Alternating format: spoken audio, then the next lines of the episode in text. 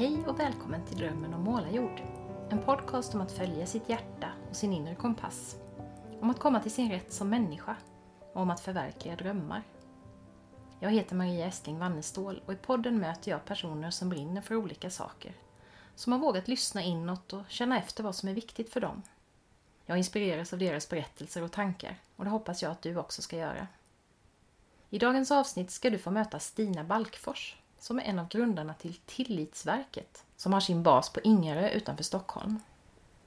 Tillit är ju ett ämne som vi har återkommit till vid ett flertal tillfällen i den här podden. Någonting som är centralt om vi vill våga gå utanför trygga invanda mönster och följa vår egen kompass istället för samhällets normer för vad som förväntas av oss. Avsnitt 46, mitt samtal med Kristina Paltén, handlade mycket om tillit det var ju en av de saker som hon ville utforska med sin ensamlöpning genom Iran. Tilliten till andra människor och tilliten till sin egen förmåga. På Tillitsverket arbetar man med tillit på många olika sätt. Inte minst genom de lekdagar som de ordnar, då barn och vuxna leker tillsammans under en hel dag. Detta och mycket annat ska du få höra Stina berätta om nu. Välkommen till en riktig inspelningsstudio i Stockholm. För första och kanske sista gången i Drömmen om målarjords historia.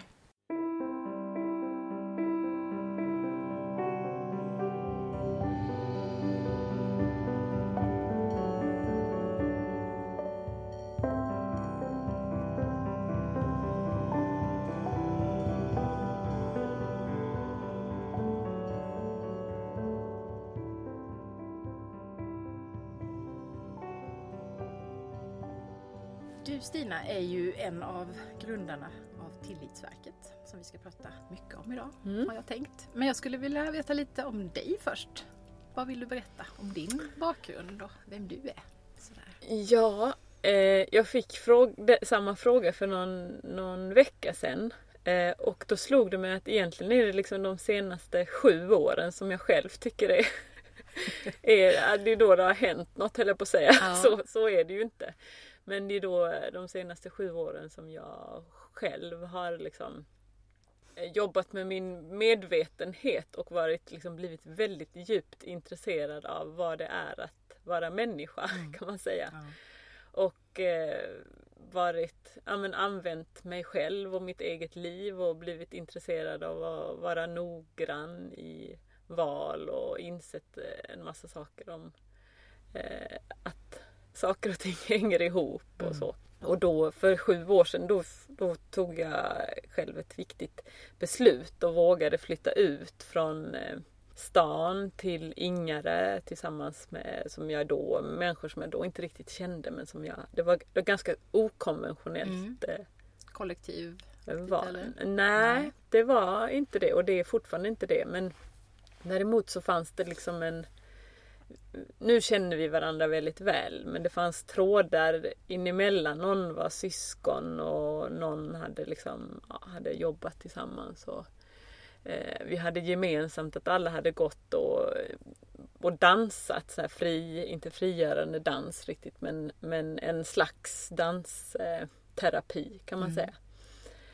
Hos en person och eh, det, det var som en det är svårt att veta vad det berodde på men just då den perioden så blev det flera hus lediga där, där vi hade varit och dansat och där man själv hade fått tag på mycket av sig själv. Så då, mm. ja egentligen från en dag till en annan så, så köpte jag ett sommarhus tillsammans med en person som jag inte kände Nej. särskilt väl. Eh, modigt. Och alla bara, men det går inte. Och man har fått höra 2000 historier om släktfejder med sommar man köper tillsammans och det går aldrig. Och... Men eh, det gick. Och eh, jag märkte att efter två veckor jag hade bott där så kände jag att men jag kommer inte vilja bo någon annanstans. Så då har det liksom, och det var nu för sju år sedan och då har det varit liksom utgångspunkten både för utvecklingen av Tillitsverket och väldigt mycket utvecklingen av mig som mm. person. Det var lite som att hitta hem. Ja, verkligen så. Och sen den där eh, bilden att, att klippa av eh, bilden av den här föreställningen man har om hur livet ska gå till. Mm. Eh, och hur livet borde vara. Att ja men så utbildar, så har jag i alla fall blivit uppvux, upplärd. Att, ja, men man utbildar spår sig. sådär ja. man ska följa. Ja. Eh, och, och sen när den där mannen i ens liv kommer, då kan han ta med en i den där drömmen om att bo Mm. vid havet och eh, leva nära naturen och så. Ja, det. Eh, så det var också ett väldigt sånt statement att, men hallå. Jag, jag kan leva drömmen själv. Ja. Det behöver inte vara någon annan som sveper med mig i den. Jag kan svepa. Jag kan skapa svepet själv. Ja. Liksom. Men du lämnade ett väldigt vanligt Stockholmsliv då så du hade bott i stan och jobbat och liksom haft ett, ett sånt Ja, väldigt man. typiskt vuxenliv. Ja, det kan man säga. Och sen Ja. samtidigt hela tiden eh, inte helt nöjd. Nej. Och varit väldigt sökande på det sättet. Eh, att ja, men ska, är det att jag ska jobba ännu mer, engagera mig ännu mer Mm. i det yt, liksom, hitta på ännu fler saker. Eh, Alltifrån att liksom hittat på små uppfinningar och sålt på designtorget till Mm. att engagera mig i olika ideella föreningar och till slut så kändes det som att men det, det måste vara någonting annat. Mm. Liksom. Eh, så det kan man säga att ett ganska konventionellt liv fast jag har alltid jobbat, varit engagerad Mm. kan man säga. Mm. Ja, och sen var du med och startade Tillitsverket och det var ni som bodde där ute då som gjorde detta tillsammans. Mm. Som då inte kände varandra så mycket innan men lärde känna varandra Ja. där. Ja. Eh, kan du beskriva Tillitsverket sådär bara jättekort? Vi ska prata mer om dess olika delar sen tänkte jag. Men med bara några ord sådär, går det? Vad är det för något? Ja, För precis. Ja, nej, nej. Men alltså, till rent så här organisatoriskt så är det en eh, stiftelse. Mm. Är vi en stiftelse.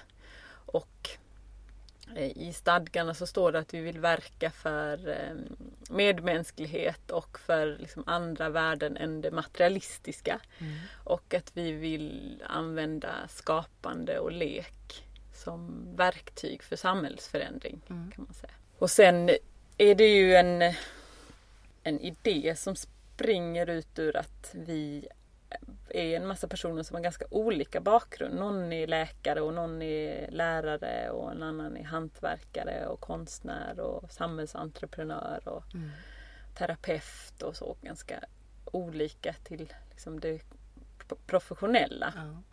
Men eh, jag tror att vi var vid en viss punkt samtidigt att så här, men jag skulle vilja använda mitt liv, min stund på jorden till att kunna göra någonting mer. Mm. Och hur kan man göra det? Jo men det är ju när man går samman. Mm. Just det, så kan man använda alla olika kompetenserna för de samverkar och gör någonting större. Ja, Mm. och samtidigt då märka av att det är ju egentligen det som vi alla, som är det svåraste. Mm. Att men hur kan jag gå in med det som jag kan och vill bidra till ut och verkligen sant gå in i det Mm. utan att vara knäckt över att jag inte är experten i det här sammanhanget eller släppa sitt tyckande och så. Så vi har vi har ju Kristina som är en av som är ordförande i stiftelsen. Hon tog väldigt tidigt initiativet till att vi skulle skapa en trädgård tillsammans Mm. eh, en slags gemenskapsträdgård. Och arbetet med den har, har varit för mig egentligen ja, den viktigaste så här, nyckeln till att förstå både så här, vad är samverkan? Mm.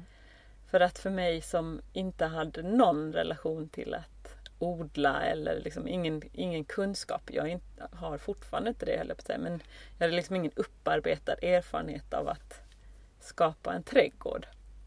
Eh, då kunde jag känna att ja men eh, det kanske inte är det, bäst, det, det som jag kan lägga ner bäst att jag lägger ner min tid på. Jag är ganska bra på att söka pengar. Då Mm. kanske det är det det. jag ska göra. Ja men hon ville liksom, det är någonting, vi ska komma samman här. Det var hennes sak. Det var inte att vi skulle skapa den vackraste trädgården utan saken, det som vi skulle samverka kring var att vi skulle göra det här tillsammans. Mm. Och i den här processen så mm, fick jag märka av jättemycket av mina stopp. Att ja, men vad händer med mig när jag känner mig osäker? Det kunde vara så, och det var ganska bråttom för att det var en viss tid på Mm. året och det var känsligt med alla växter och vi hade inga pengar heller så det kunde vara att helt plötsligt hade någon fått tag på 20 tujor som skulle ha någonstans att bo och det här är på en i skärgården där det är helt klippigt. Så Ja. bara, men hur löser man det? Och, ja, men nu måste du nu måste du fixa en gång här så vi kan gå med, med skottkärrorna. Just Så det, jag har ingen aning om hur Nej. man gör en stengång. Nej, men, och så, ja, men, jo, men då googlar jag och, bara, ja, men då lägger, och så försiktigt så bara, men det finns inte tid för det, lägg gången. Så, Ja. ja, ja.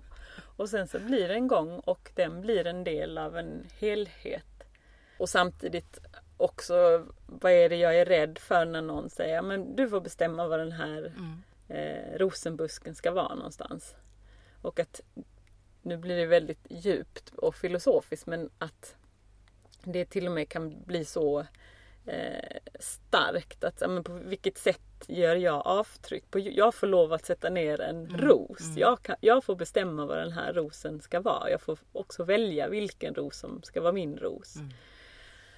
Och eh, märka av att så, så skört är liksom det skapande. Mm. Att så här, men jag, eh, om man nu inte är jättestark i sin, sin tillit till sin egen skapande förmåga så har det varit en jättefin process det, att märka av. Att, det. Ja. och samtidigt så, åh jag har jätteont i ryggen. Man kan hitta på tusen grejer som Mm. gör att det inte går att, att stå och gräva ett hål två dygn. För vi gjorde allting också väldigt mycket utan pragmatik. Utan bara så här, men nu gör vi, vi, vi plockar bort alla de här. Det var bara fullt med fyllnadsmassa och Mm. sådär.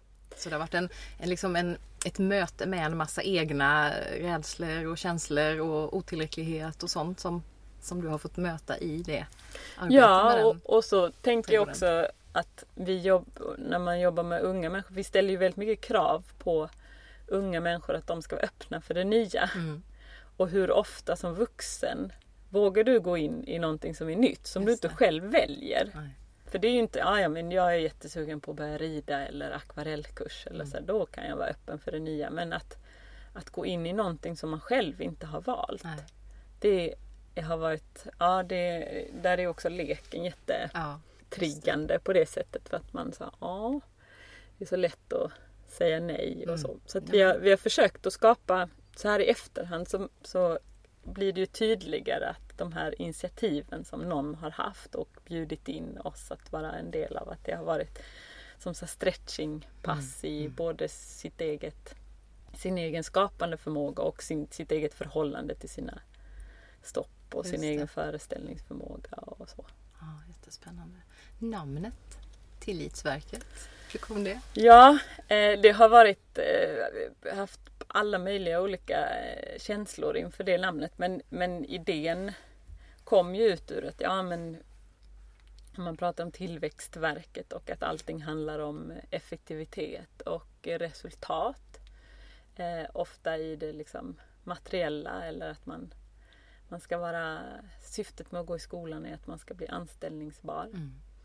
Och eh, vi lever ju i en tid där det är väldigt tydligt att människor behöver bli i anspråkstagna för att vara tänkande och kännande och skapande. Eh, annars så mår man psykiskt dåligt Mm. och vi ser det eh, i yngre och yngre personer. Och att vi behöver satsa på de mjuka mänskliga förmågorna Mm. och eh, vad det är att vara människa. Mm. Och där, nu pratar man till och med om det i tillitsdelegationen och i rapporter om Sveriges ekonomiska framtid. Att ja, men vi behöver satsa på tillit. Och där kom vi, ja men vad är det, vad är liksom essensen av det vi vill göra? Jo men alla som jobbar med skapande verksamhet vet att det är liksom tillit som är nyckeln. Mm. Både liksom förtroende till mig själv, jag vågar stå inför ett vitt papper och skapa någonting. Jag vågar också möta en annan människa, jag Mm. vågar möta en annan situation, en ny granne, en ny omständighet. Eh, och att det är väldigt bra övningssätt Mm. i, i skapandet och i leken. Eh, och då var det ju, ja det är ju en lek med, med Tillitsverket och eh, Tillväxtverket Mm. såklart. Eh, och så fick vi några sådana här reaktioner för myndighet är också lite så här, ja det, det klingar inte alltid Nej. Så bra för många men många menar ju på att det, det borde finnas. Ja. Liksom. Sen kom tillitsdelegationen eh, för knappt ett år Ja, sedan. just det, så ni var först ute där. Ja, Mm. Så tänker jag att verket är ju också, det är ju en ordlek egentligen. Ja. För verk är ju någonting som man skapar. Så att det precis. finns ju en sån dimension i det också. Kanske. Ett konstverk eller Mm. liksom att man verkar Mm, fram mm. någonting det. tillsammans. Ja, så det har vi också.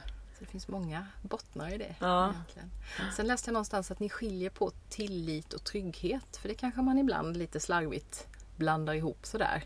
Men att trygghet är mer det yttre och tillit är det som kommer inifrån. Mm. Ehm, Ja, det är så intressant med tillit för att den är ju aldrig, man kan ju egentligen inte prata om den. Alltså man kan inte prata fram den. nej. Eh, men man kanske kan, det har vi ju märkt att ja, men, trygghet är det är ju där en, någon slags plattform där man kan känna sig lugn och Mm. säker. Mm. Men tillit kan ju egentligen bara växa i ett område där jag inte känner Nej, mig precis, trygg. när man går utanför den trygga zonen. Det är där Ja. tilliten växer på något sätt. Eh, och att ja, men det gränsöverskridandet för dig så kan det handla om att stå på en scen eller hoppa, hoppa från en klippa. Mm. Eh, Men för en annan är det vardagsmat men, men att måla på ett vitt papper och inte tycka att man är bra på att måla kan vara ett jätte gränsöverskridande till att lita på, ha tillit till Mm. att det går. Men om man bara gör det som man är trygg med då, då övar man ju egentligen inte tilliten. Nej. Och sen så är det också märkbart, tycker jag, när man pratar om tillit att det finns egentligen två vägar till tillit. Mm. Det ena är ju när man blir utsatt eller någon, någonting yttre händer så att jag, bara, jag har inget val. Mm. Jag bara måste ha tillit till att den här båten bär över Medelhavet för att jag kan inte, vi kommer inte överleva annars. Vi måste bara ha tillit Mm. till att det bär. Och eller att man, vi som är uppväxta i Sverige har ju oftast inte så många sådana yttre. Sen kan man ju vara med om trauman Mm. eller liksom svåra situationer då. Men den andra vägen till tillit är egentligen ett val. Att det krävs av mig att jag säger ja till Mm. någonting som jag inte vet om det kommer att bli någonting bra. Det. Och om det kommer leda till någonting positivt eller om det kommer att bära. Mm. Och det är den tilliten som vi, när vi jobbar, när Tillitsverket har utvecklats och liksom gjort saker gentemot vuxna och egentligen vux- vuxna som har makt eller Mm. möjlighet att påverka. Eh, där alltid nej är det enklaste svaret. Ja, men vad krävs av dig för att du ska våga säga ja till det nya. Mm. Så då blir det ju snarare medvetenheten som, Mm. som är verktyget. Och där försöker vi komma in med ganska enkla, banala övningar som man kan rygga för och tycka att ja, men det där har väl ingenting med det som jag, det viktiga som jag Nej. håller på med. Men sen när man skrapar lite på det där så är det ju egentligen det där med att våga kliva ut ur Mm. sina roller och allt vad man har byggt upp för upparbetat Ja. som är ganska tryggt och Ja. skönt Ja, att visst. vara i. Jag tänkte där också på ett ett annat, en annan parallell till det här med ett medvetet val och ett som mer bara kommer. Jag vet inte, omställningsrörelsen kanske du känner till. Mm. Eh, Jag är lite engagerad i den och där pratar man ibland om aktivt hopp kontra hoppfullhet. Och jag tänker att det är lite samma grej där. För hoppfullhet, ja men då är det fortfarande, du, du tror att någonting kommer att bli bra i det fallet då. Och därför orkar du jobba för det. Medan aktivt hopp, då handlar det om att du har ingen aning om hur det kommer gå. Men du väljer att jobba för det här oavsett resultatet. Jag tänker att det är lite samma distinktion där egentligen Ja. mellan de typerna av tillit som du eh, pratar om i Ja. de här formerna av hopp då, att det finns olika typer. Så, ja, och då låter det lite som att skillnaden mellan de två är ju att men jag har förtroende till att det spelar roll vad jag gör. Mm, Jag som individ. Jag kan ju bli helt uppgiven av alla styrsystem Mm. som reglerar mot, så att det, resultatet blir motsatsen. Ja. Och det är ju samma sak med miljörörelsen. Att liksom, ja, men jag kan ju hålla på och sopsortera men om alla fortsätter att flyga Mm. Visst, som de gör så är det ändå ingen och då mening. kan jag lika gärna skita Ja. i det. Och att, att verkligen ha förtroende för att individen spelar roll. Alla individer Ja, spelar roll. precis. Och att det är ju när vi är många individer som förändringen kan Ja. ske. Och många som väljer det där då som, som kanske kan verka hopplöst eller Ja. jätteotryggt eller vad det nu är. Ja, det är jättespännande tycker jag. Ja, Ja, ni har ju en massa olika aktiviteter på gång har jag förstått. Ja. Jag har researchat lite om er här.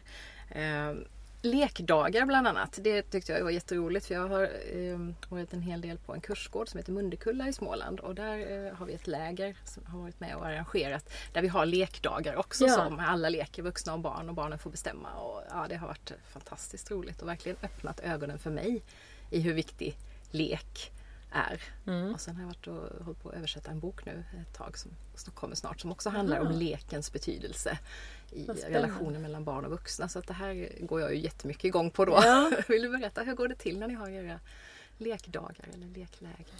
Ja, eh, vi försöker ju. Vår grund är ju den fria leken Mm. som ju man kan definiera på olika sätt. Men till skillnad från regellek så är det ju att man egentligen kommer, kommer inifrån. Det finns liksom inga yttre regler. Eh, man kan inte göra rätt eller fel direkt utan det finns någon slags, ja man, man kan skapa situationerna. Mm. Det är inte det att på en förskola så kan man bli livrädd om någon säger att ja, vi jobbar med frilek och att man som vuxen inte alls går in utan man kan vara med och bygga leken Mm. tillsammans med barn och snarare stärka där, Mm. det, där det behövs stärkas och använd, starka initiativ och impulser som kommer. Mm. Och då brukar en sån lekdag se ut så att vi har, det det är verkligen en hel dag. Mm. Och vi träffas på förmiddagen och har en två timmar, ja, två och en halv timmes lek i skogen tillsammans. Och då det, finns det en liten ram om att det är ett folk som kommer dit och att vi ska bygga ställen att bo på och, och göra upp eldar och så. Och det vi vet är att det finns en fara i skogen. Och den här faran kan man då eh, liksom den ondskan kan man förminska dess kraft Mm. genom att man samarbetar. Man måste gå fem och fem när man går ut i skogen och man, om man sjunger det vackraste man kan så tappar den också Ja. kraften. Så det är själva ramen och sen så sätter ju leken igång. Eh, och så är det om man är en eh, modig, spejande typ så ger man sig ut i skogen och försöker se om man får en skymt av den här ondskan. Mm. Eh, Eller faran och sen kan man vara en liten skrutt som, som samlar pinnar och gör en eld med och bygger och snickrar med spik och hammare i lägret där. Och sen bli, blir det som ett liv. Mm. Eh, ett stycke liv tillsammans som är helt eh, det är ju verkligen magiskt vad som kan uppstå. Inte Mm. alls alltid men det kan verkligen finnas jättestarka glimtar av med, med, man kan få tag på allt. Mm. Vad det är att vara människa där i. Att vad som händer när man vågar sträcka ut sin hand eh, och bygga ett hem tillsammans med människor som man aldrig har träffat förut. Och laga mat och bjuda varandra och så. Och så plötsligt så kommer det liksom ett, ett äventyrsimpuls för att någon har sett skvansken som det här odjuret heter Ja. i skogen. Och så, ja men ska vi gå, och så kommer modet och liksom att vilja det goda och vi kan tillsammans och Ja. så. Och det var någon som uttryckte så fint efter ett, en sån där stund att ja, men i vilken annan situation kan man ta en främmande människa i handen och gå och söka äventyr i skogen Mm. en stund. Mm. Eh, och där får ju vuxna väldigt mycket hjälp av barnen oftast. Eh, och det som är det svåra är ju vi vuxna att vi antingen så puttar man fram sitt barn Mm. och eh, eh, nu ska vi bygg, snickra ett boende och så här gör man och så här och att man lite använder sitt barn som skydd. Mm. Och det funkar allra bäst tycker jag själv personligen när jag verkligen går in när jag lyckas att gå in sant Mm. i leken. Det finns många lager och, och särskilt när jag är med min dotter själv på de där att man ska liksom försöka se till så att det blir bra. Ja. Och så är vi många vuxna som försöker se till så att det blir bra. Och det är när man, först när man släpper det där som det kan bli sant. Ja. Så då är det ett långt sånt pass. Ja. Och då är man ju alldeles eh, uppfylld efter en Ja. sån. Då har man varit med om någonting gemensamt tillsammans. Och sen äter vi mat. Och sen går vi ner till staden som är liksom en annan del av eh, där vi bor. Där vi har byggt upp som en teatergarderob och det finns ett slott och ett skepp och sådär. Och då är det också fri lek men lite mer eh, Ja det finns Ja, det är lite sammanhang där då kan man Ja, säga som man precis. hämtar rekvisita. Och så avslutar vi sen med en, eh, en sångstund gemensamt i trädgården. Mm. Det är jätte, nu har vi gjort det många gånger. Det är väldigt spännande vad, vad, det, att, vad det triggar Ja. hos oss vuxna. Att man kan verkligen gå in i det. Men man kan också eh, bestämma sig för att det här är inget för mig. Så jag väljer att ta kort Mm. och börja prata, socialisera med det. grannarna och så. För det, Det är så kräver det ju någonting. ja. Ja, och det kräver ju... Det, det var nå- någon som sa men lek är som, fri lek är som mindfulness in action. Mm. För att det kräver din, din närvaro på ett annat sätt för att du själv ska ha roligt. Och den kan man ju själv, jag kan känna det jättestarkt när jag, eller som mamma och de där, den där nivåskillnaden Mm. av att så här, inte riktigt engagera mig och bara hoppas Mm. på att hon kan gå in i leken själv så att jag kan hålla på med det jag behöver Mm. hålla på med. Eller när jag verkligen kan släppa taget. Ja, och, ja, det är sån jätteskillnad. Ja. Det har jag tänkt på också mycket. Särskilt sista tiden sedan jag översatte den här boken. För där pratar han ju mycket om det här att gå in Ja. totalt i lek. Vem Och, har skrivit Han heter Mani Tonkwat eller Medicine. Story. Han är stamäldste i Wampanoag-stammen i USA och brukar Aha. komma till Sverige. Han är 87 år nu så han... Ja, vi bara hoppas att han ska orka några år till. Han är så häftig. Men han har Spännande. många, många kloka tankar. Och jag har blivit jätteinspirerad av det där just i lek med barnen. Att ja, men nu är det liksom, nu bort med telefoner. Nu så kör vi sådana stunder emellanåt som de har lärt sig nu att nu ska vi ha special time och då är det då är det. det. Ja. Och det är så himla roligt. För jag märker ju hur jag blir så annorlunda när jag går in i det till 100% och låter mig ja, ledas genom leken och inte ha fokus på någonting annat överhuvudtaget. Det är, Ja. det är jättehäftigt. Och sen den, när man går in i vad, är det som, ja, men vad var det som hände egentligen? Och många har beskrivit att en sån där lekdag, den har levt med en hel sommar. Ja.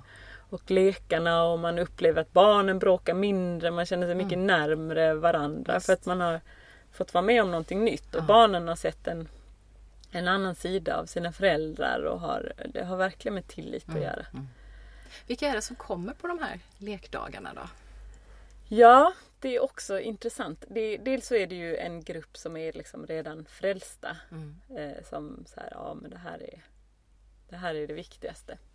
Sen är det några som, ja men det, verkar, det här verkar kul. Så här, aktivitets, eh, som är vana vid att gå på aktiviteter. Ja. Eh, och sen är det några som, som söker sig till sammanhang där man har mer så här, ja men hur kan jag utveckla min relation med, med barnet Mm. och också har någon slags tanke om att det har med mig att göra, mig som vuxen. Mm. Men en, en insikt som vi har gjort är att det är många som beskriver att det har varit fantastiskt och att det har gett så mycket. Vi får fina brev och kommentarer och så. Men det är väldigt få som kommer tillbaks. Jaha. Och då har ju vi tänkt på vad är det som gör att det är så. Mm. Och vår, vår tanke eller vår analys är att ja, men det, det har varit en jättestark upplevelse men det har också krävt så mycket av mig. Så jag vet inte om jag orkar en Nej, gång till. det.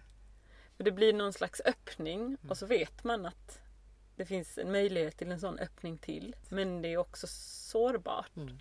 Så att jag tror att det är, sen finns det ju folk som kommer tillbaks men det är ändå väldigt märkligt när, när det är så starka upplevelser att man inte självklart Ja. kommer tillbaks.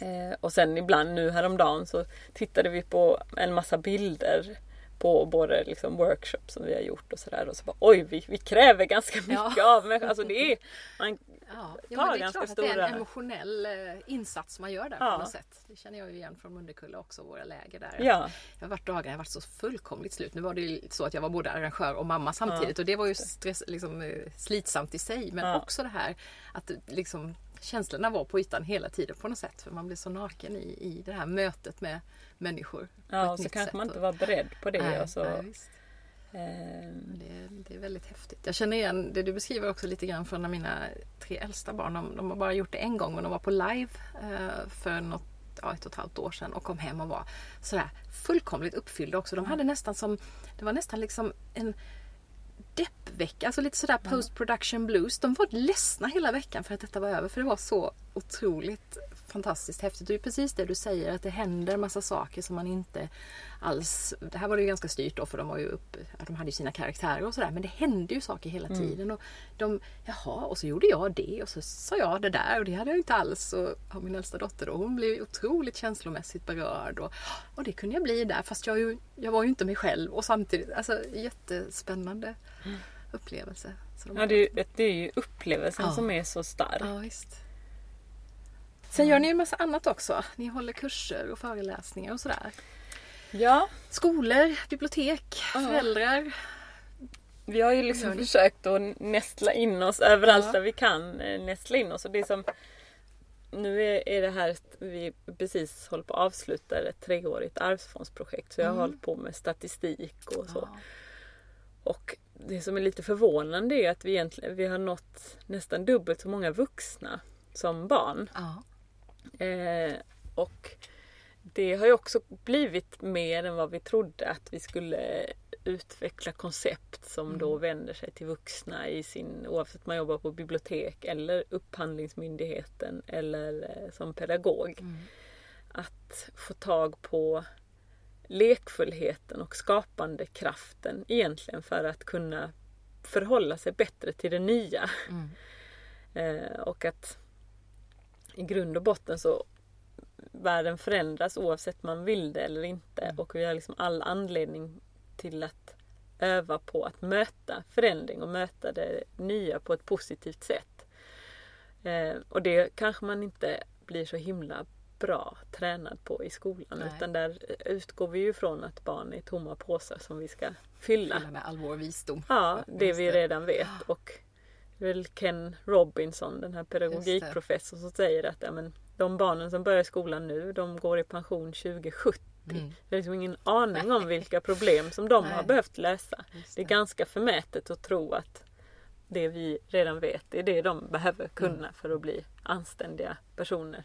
Utan istället borde vi bara mata på med, med förtroende för skapandekraften och uppfinningsrikedomen och nyfikenheten Mm. och liksom tillit till att det som jag kommer med Just är det. viktigt. Det är Det, betyder någonting att Mm. jag är på det sättet jag är. Vi är livrädda för att folk ska sticka ut Mm. och inte klara sig inom den här medianboxen.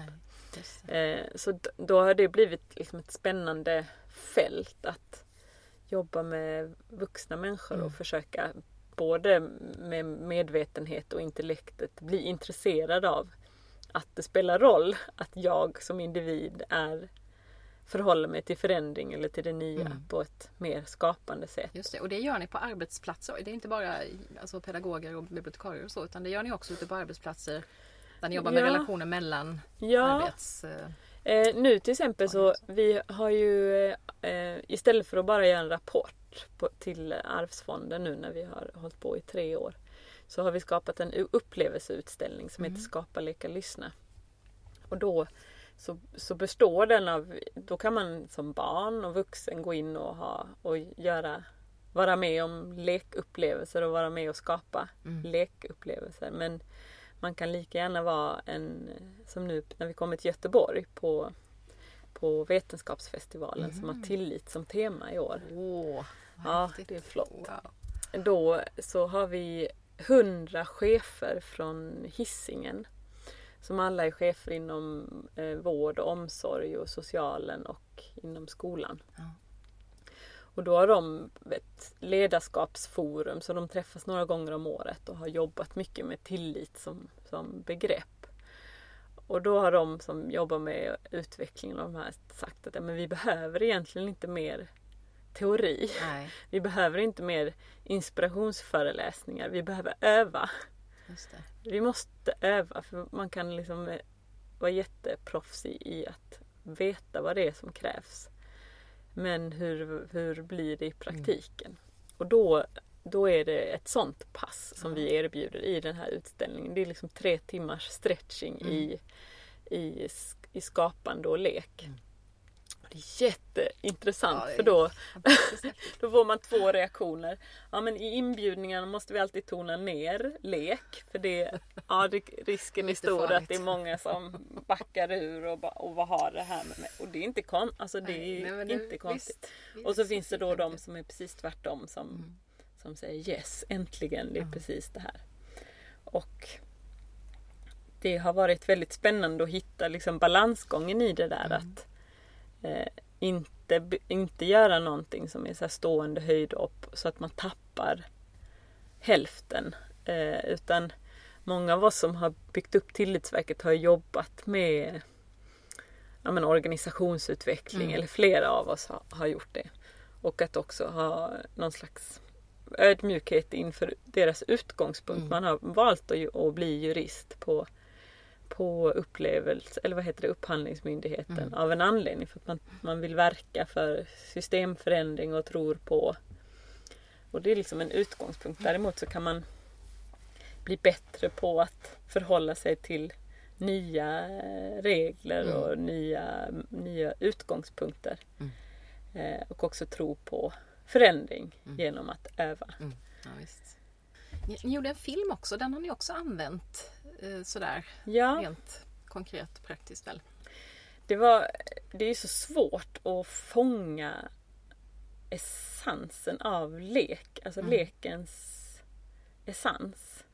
Eh, det där ögonblicket eller det där glittret i ögonen som uppstår på barn oftast när det är något, ett under som sker eh, i mötet med någon eller så. Så vi, vi höll ju på med våra, eller har hållit på med våra liksom, skapandet av lekupplevelser och haft många sådana där glimtar. Men det fanns en tanke om att vilja skapa en film som på något sätt vill fånga den där Mm. eh, det livsviktiga och det, det stora med leken. Och då så eh, jobbade vi med en filmare som heter Tommy Gerd som är dokumentärfilmare. Och han följde med på några lektillfällen där vi både lekte alltså med, en sån här lekdag men Mm. också i några processer med vuxna och så. Och samtidigt så har vi träffat Lars H Gustafsson som Mm. ju är Barnläkare. barnläkare Mm. och professor som, som verkligen eh, har verkat för eh, att höja upp värdet av lek Mm. eh, som, en, som en viktig del av ett, en människas utveckling egentligen. Och då, ja, då, blev det en, har det blivit en film som liksom väver, väver de här olika perspektiven. Att den är ganska poetisk Mm. i ett många liksom, sjok där det är, de fångar lek Mm. barn och vuxna i lek. Mm. Eh, Men också det svåra och sköra och det livsviktiga. Mm. Eh, Ja, Och sen diskuterar man den då eller hur, hur Mm. jobbar man med den? den, den, då har vi visningar och sen så brukar vi ha samtal efter. Ofta så, så kommer, är det många som blir väldigt nostalgiska Mm. och kommer tillbaks till sin egen barndomslek och så blir man undrande hur är det för, för barn nu för tiden och så kommer det en sån här padd padddiskussion och att det är liksom kört på något sätt i den här generationen. Men sen så är det, man kommer åt, för det är också så lätt att fastna i att oj oj oj, det, då är det kört och Mm. nu är det andra tider och leken ser helt annorlunda ut. Men att komma tillbaks till, ja men hur, hur, hur vill jag göra med, med mig och mitt liv? Mm. Och hur kan jag bättre stärka mitt förhållande till leken och lekfullheten? Mm. Vad kan jag göra i vardagen och hur, hur ser det ut egentligen? Och att på något sätt komma, komma till det oavsett man är pedagog eller, eller eh, socialchef. Mm. Så finns det ju många nycklar i leken som, som man egentligen håller på och förhåller sig Mm. till. Så det, ja, det brukar bli, sen använder vi det lite olika beroende på vem som är, Mm. är publiken. Men, men den är också lite sådär att vi jag tror den skulle kunna göra mycket mer nytta än vad den har gjort. För vi har inte velat släppa den för det var Mm. Eventuellt ville TV Ja, okej. köpa in den och då kan man inte visa den offentligt. Men jag tror att ja, den, den Det finns mycket där ja, att hämta. ja. Har du sett Nej, den? jag sett den. Jag såg trailern här bara. Ja, just det. Jag ska skicka den ja, till ja, dig. Det vore jättespännande. Ja. visst. Du, sen har ni ju en väldigt konkret eh, verksamhet också. Eh, Den här hönan och ägget som du väl också är involverad i, Ja. eller hur? Vill du berätta lite om det? Det handlar om Ja. ungdomar som inte riktigt Ja. hittat sin plats i tillvaron har jag förstått. Alltså det är också en, ett eh, tecken tror jag eller ett eh, vad heter det, symptom på att vi har hållit på att bygga upp en skola som, där vi utgår från att individerna är tomma påsar som Mm. ska fyllas. Och eh, unga människor som har genomskådat det där och som tänker att ja, ja, men ni säger att det viktigaste är att man går i skolan så att man får betyg så att man sen kan få en utbildning så att man sen kan få jobb. Mm. Jag vet jättemånga som har gått de där stegen som är arbetslösa. Jag vet också massa som har hoppat över skolan. Ja. Eh, som har världens bästa jobb. Så det är någonting som ni lurar mig med. Mm. Eh, och som inte stämmer. Och också att, tror jag, att de unga, ungdomstiden är ju någonstans en period där man bygger sina, sin värderingsgrund och prövar och nöter och stöter och blöter. Mm. Och att vi, har, att vi i en tid nu där så många unga hakar ur. Våra upparbetade hjulspår är ju ett hälsotecken tycker jag. Absolut. Men det tar ju sig uttryck i väldigt destruktiva eftersom de, de betalar med sin egen hälsa Mm. och sitt eget utanförskap. Eh, och återigen så tror jag att det handlar om att man behöver bli anspråkstagen för Mm. att inte bara vara en intellektuell Ja, person det. utan en skapande och tänkande och kännande Mm. person. Så den här, det började, jag har jobbat med unga människor mycket och också fått vara med i sammanhang där kraften av att skapa tillsammans och få vara med om att göra någonting som är konkret. Att få erfarenheten av att lyckas med Mm. någonting har kunnat bära en individ hur långt som helst. Mm. Så från att ha jobbat med, med unga och media som är en jättelångsam produktion eller process. Mm. Så gick jag hemma och ruvade på vad kan man skapa för utgångspunkt för unga där de får många erfarenheter av att lyckas. Där det är ganska enkelt att liksom gå Mm. från A till. Så då damp det ner hos mig en morgon att men det är bakning Ja, som är just grejen. Eh, och Johannes som också är med i Tillitsverket, han är vedugnsmurarmästare. Mm. Och han hade gått runt och så här, men han vill bygga en uteugn på gatan där vi bor. Och det var väl ingen som jublade över det. och såg liksom ingen som, som skulle stå där och baka på månaderna. Ja. Men det liksom låg i mitt bakhuvud så då frågade jag honom om jag gör det här, får vi använda din ugn då? Och då sa han, men om du vill göra det då ska vi göra ugnen åt Ja. den här idén. Och den, den processen har varit jätteviktig för mig också i att få förtroende för vad det är man kan göra Mm. tillsammans. Och också människans längtan efter att bli i anspråkstagen. För att, att han sa det jaet och Kristina som också är ordförande hon sa att ja, men det här är ju självklart Mm. nu ska vi bara se var någonstans. Det, och så prövade vi massa olika platser som inte gick så till slut så, eller det gick ganska fort till att vi kom fram till att det behöver vara i min gäststuga. Ja. Eh, och då sa bygglovshandläggarna på Värmdö kommun sa ja på fyra dagar. Fast Wow. det, det är liksom aldrig... Det brukar gå så här sorl genom, Ja. genom publiken om jag pratar om det här på Värmdö kommun. För det har liksom aldrig hänt. Men jag tror att det också handlar om att man kan ana att ja, men det kom, initiativet kommer, det finns, det finns en annan intention här. Det är inte bara att jag Mm. själv ska få det lite bättre utan det finns någonting.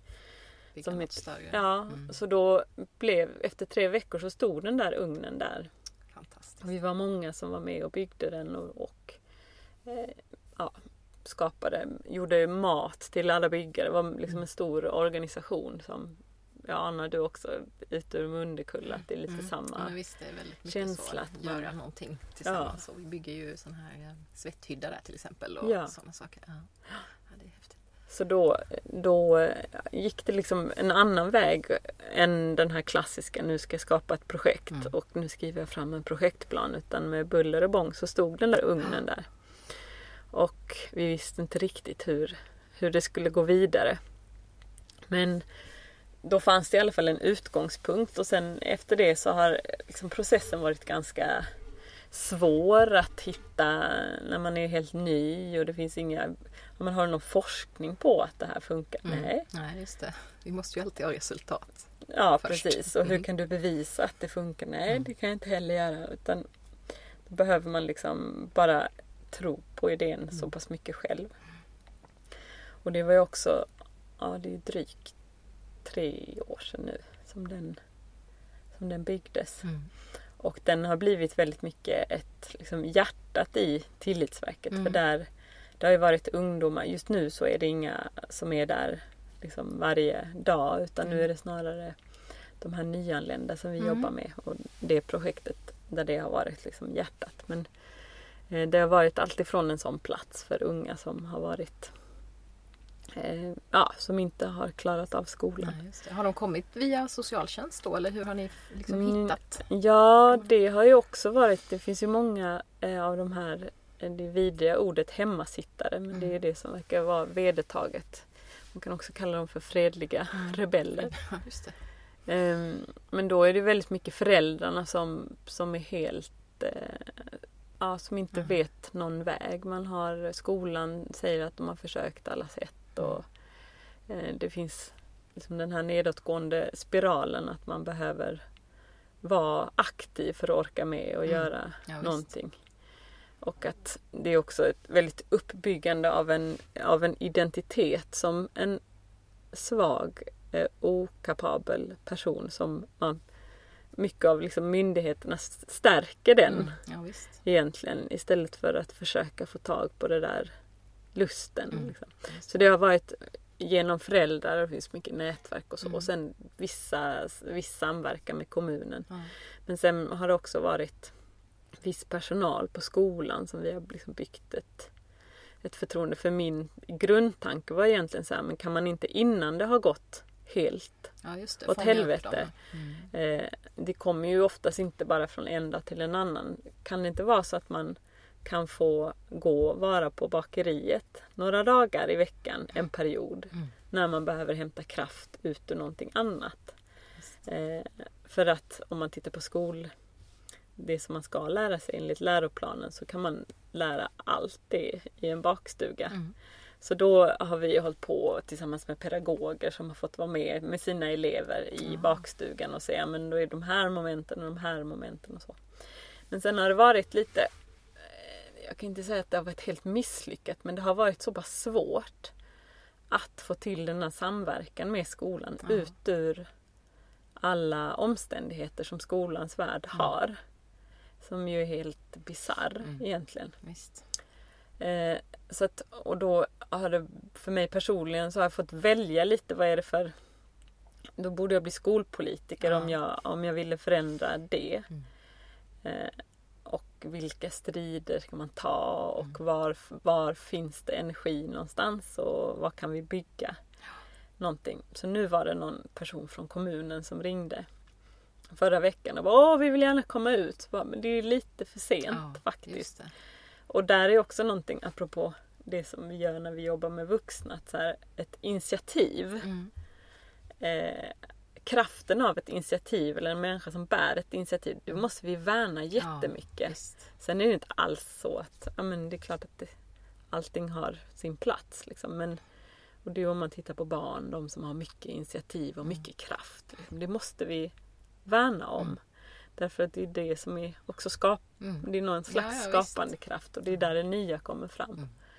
Eh, sen, är, sen är det ju rädslan som då säger nej men det har, ni, det har inte gjorts förut. Nej, Eh, just det. ja så det, det är Ja, det är ju jättesorgligt att man inte tar vara på det då. Att inte liksom möts med öppna händer någon som vill göra någonting. Ja, så ska man göra... Ja, men, men det har varit en jättebra erfarenhet Mm. också för att, eh, att också då inse att nej men då, just nu så är det inte det som jag ska Nej. lägga ner all min tid på att få till 15 barn som, har, som egentligen är den svåraste målgruppen Mm. att jobba med. Det kanske inte går. Jag kan finnas till som en, som en möjlighet för sådana som, som är på väg Mm. lite och så där det är lite lättare. Liksom. Jag tyckte ni beskrev det så fint där att man bakar bröd och bullar och framtidsdrömmar. Ja. Så här, det, ja, det, det säger ju så mycket om att det är sådana miljöer man behöver vara. Och så är det ju någonting med att, att göra med händerna. Händerna är och också liksom, otroligt viktiga. Ja. Praktiskt. Och det här är som du säger, att lyckas. Och Ja. man kan mi- misslyckas och det är inte, det går inte, världen går inte under för att man misslyckas med en jäsning av en deg. Så, Nej, och också så här märka av det här var gott och det här var inte gott. Ja. Jag tycker om det här. Och det var någon elev som var en av grupperna som var ute som personalen sa att "Ja, men hon, hon går aldrig in i någonting. Nej. Hon har jättesvårt för hon ville inte gå därifrån. Hon vill baka och baka det och Ja. baka och också den här initiativkraften. Men nu vill jag baka det här. Men bra, då, då Ja. får du göra Ja, det. Liksom. Som hon förmodligen aldrig har mött någon annanstans. Nej, för det står inte på schemat. Just det, då passar det inte in i systemet. Ja. Sen har det varit, och det är också en sorg att pedagogerna, det blir ju någonting, de, när de kommer ut i bakstugan då ser de ju nya sidor Mm. hos sina elever Ja, som, visst. som de blir Som inte helt... märks alls i Nej. skolan. Nej, för det, det, det stämmer liksom inte överens med. Ja, men och då blir det en öppning, det är lite samma sak på de här lekdagarna. Då blir det en öppning Ja. och, bara, och plötsligt Ja, så finns det massa möjligheter Ja. som flyger runt i huvudet och sen så bara, ah, just det. Vi har ju na- nationella prov nästa vecka så då kan vi inte komma Nej. ut den gången och inte den gången heller. Nej.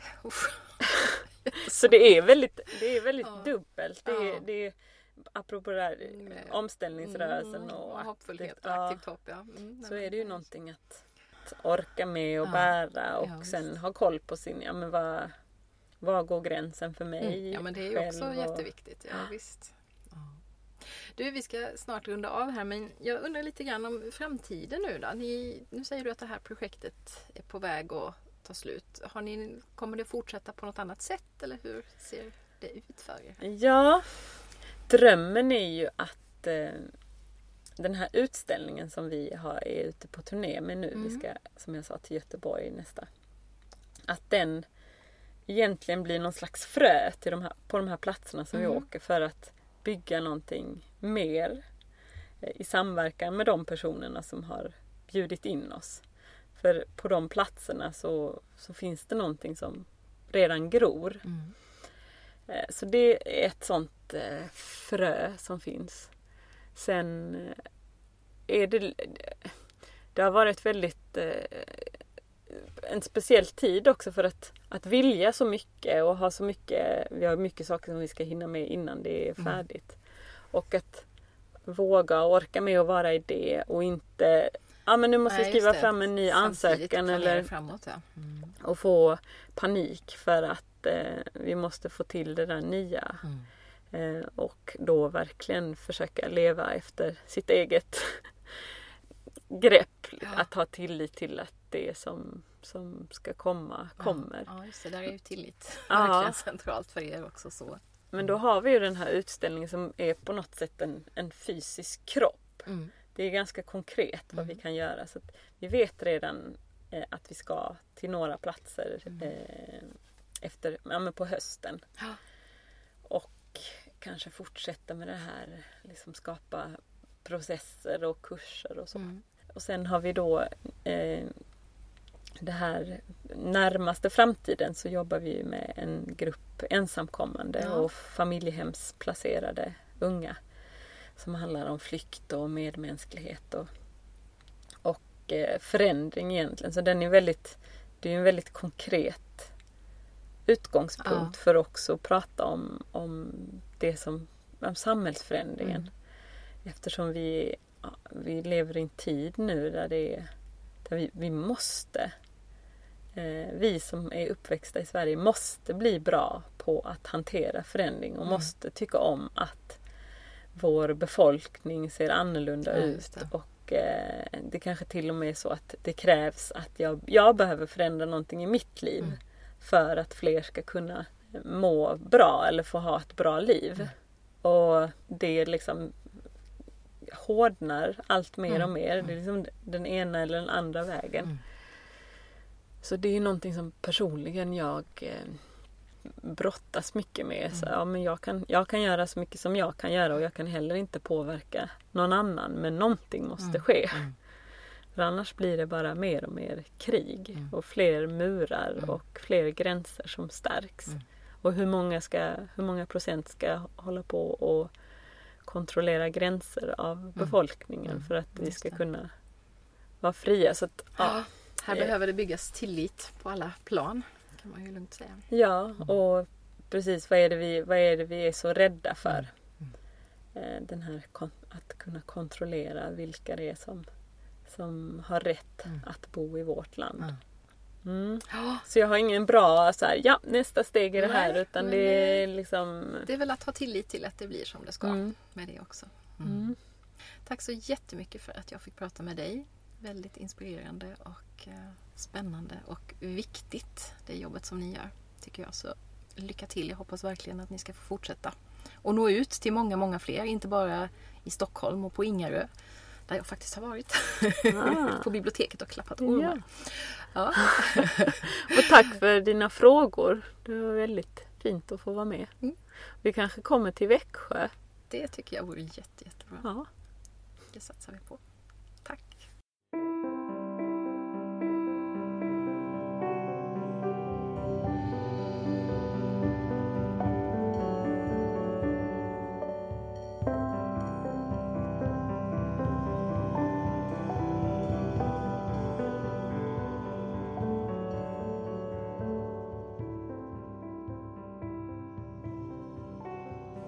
Liksom jag blev inspirerad av det här samtalet och kanske vill veta mer om Tillitsverket så hittar du dem på nätet på tillitsverket.se. Där kan du bland annat läsa om lekdagar, läger och andra spännande aktiviteter som de ordnar. Någonting som vi inte hann prata mycket om eftersom vi inte hade obegränsat med tid i den där mysiga lilla studion det var det integrationsprojekt för nyanlända som Stina och de andra arbetat med på sistone. Jag hoppas att vi ska kunna ses igen en annan gång för att prata om det. Men jag tänkte passa på att berätta en liten solskenshistoria om det integrationsarbete jag själv är inblandad i, i min hemstad Växjö, eftersom jag tänker att det kanske kan inspirera någon lyssnare. Hösten 2015 kände jag, precis som många andra, att nej, jag står inte ut, nu måste jag göra någonting, hjälpa till på något sätt. Så vad skulle jag då hitta på? Delta i språkcaféer eller läxhjälp kanske?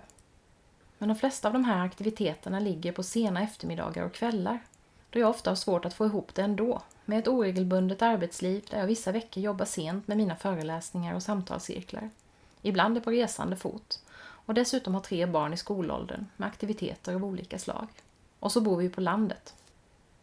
Under ett besök hos min vän Marie i Åre fick jag följa med till deras språkcafé och där träffa en kille som på helt eget initiativ startat en Facebookgrupp för att samordna olika integrationsaktiviteter, hitta folk som kunde hjälpa till på olika sätt och så vidare. Ja, men något sånt kan jag ju göra, tänkte jag. Då är jag inte bunden till fysiska platser på specifika tider. Jag kan jobba hemifrån när som helst. Och datorn har jag ju alltid med mig när jag är på vift. Och dessutom har jag erfarenhet av att starta Facebookgrupper som har funkat jättebra. Efter att ha pratat med några engagerade vänner kontaktade jag Röda Korset och frågade om de trodde det skulle vara en bra idé att starta en Facebookgrupp med representanter från olika organisationer där jag varje vecka la ut en översikt över de aktiviteter som erbjuds. Röda Korset var mycket positiva. Och nu, drygt ett och ett halvt år senare, kan jag se tillbaka på en fantastiskt spännande period i mitt liv. Och att min idé faktiskt har burit frukt. Facebookgruppen Vi i Växjö, eller VÄV som vi ofta kallar oss, dels för att det är en förkortning av gruppnamnet, dels för att vi vill vara någonting som väver samman människor från olika kulturer. Ja, vi har funnits i ett drygt år nu och samlar allt ifrån barnfödda till nyanlända Växjöbor. Med det gemensamt att vi vill bygga det Växjö som vi alla vill bo i. Där vi ser mångfald och kulturmöten som någonting som berikar oss. Här finns representanter från en massa organisationer som jobbar med integration på olika sätt. Allt ifrån kyrkor och studieförbund till idrott och kultur. På sistone har också Länsstyrelsen och kommunen kommit med i gruppen. Tänk att alla dessa organisationer som var och en gör en massa bra saker har fått upp ögonen för varandra och börjat samarbeta. Det känns alldeles fantastiskt. Och det har fått konkreta resultat. Just nu i form av samarbete kring ett språkcafé som startar i nästa vecka och som kommer att hålla öppet tre dagar i veckan hela sommaren när de flesta andra aktiviteter är stängda. På söndag ska vi också ha en stor mångkulturell sommarfest i en av Växjös parker med massor av musik, mat från olika länder som vi hjälps åt med att laga, drakflygning och ett sagotält där jag bland annat kommer att läsa böcker för barn. Kanske är det just det faktum att det är jag, en helt vanlig privatperson med lite engagemang, snarare än en specifik förening eller myndighet som driver den här gruppen, som gör att den fungerar så bra som den gör. Inga krångliga beslutsvägar, ingen som förväntar sig att jag ska ha koll på allt. Det är ju då det blir samarbete på riktigt. Och jag är så himla glad över att kunna bidra med just det jag faktiskt är bra på. Nätverksskills och envishet, som min vän och tidigare poddgäst Lisa Moreus uttryckte det häromdagen. Hur ser det ut där du bor? Kanske är det precis som här i Växjö, att det finns människor som gör en massa bra saker inom ett specifikt område. Integration, hållbarhet, kultur eller något helt annat. Men som inte har koll på varandra. Kanske är det just du som ska föra dem samman. Och nu är det dags att avsluta det här avsnittet. Imorgon är det skolavslutning för mina barn och jag kommer gråta floder när min sjuåring sjunger avskedssången tillsammans med sin stora syster som slutar nian. Det är en väldigt fin tradition att de minsta och de äldsta på skolan sjunger tillsammans. Och jag har gråtit alla tidigare år, så gissa bara hur många näsdukar som kommer att gå åt den här gången. Kanske kommer jag den här veckan också att få meddelande om att två lådor av min och dottern Sannas nya bilderbok, Lovis ansjovis och glömskan, är klara för avhämtning. Jag längtar. Tills vi hörs nästa gång kan jag tipsa dig om att kika in på Drömmen om Målarjords blogg, där jag just nu kör en serie med tillbakablickar på tidigare poddavsnitt, samlade kring olika teman. Tack för att du har lyssnat och ha det så gott i försommargrönskan. Hejdå!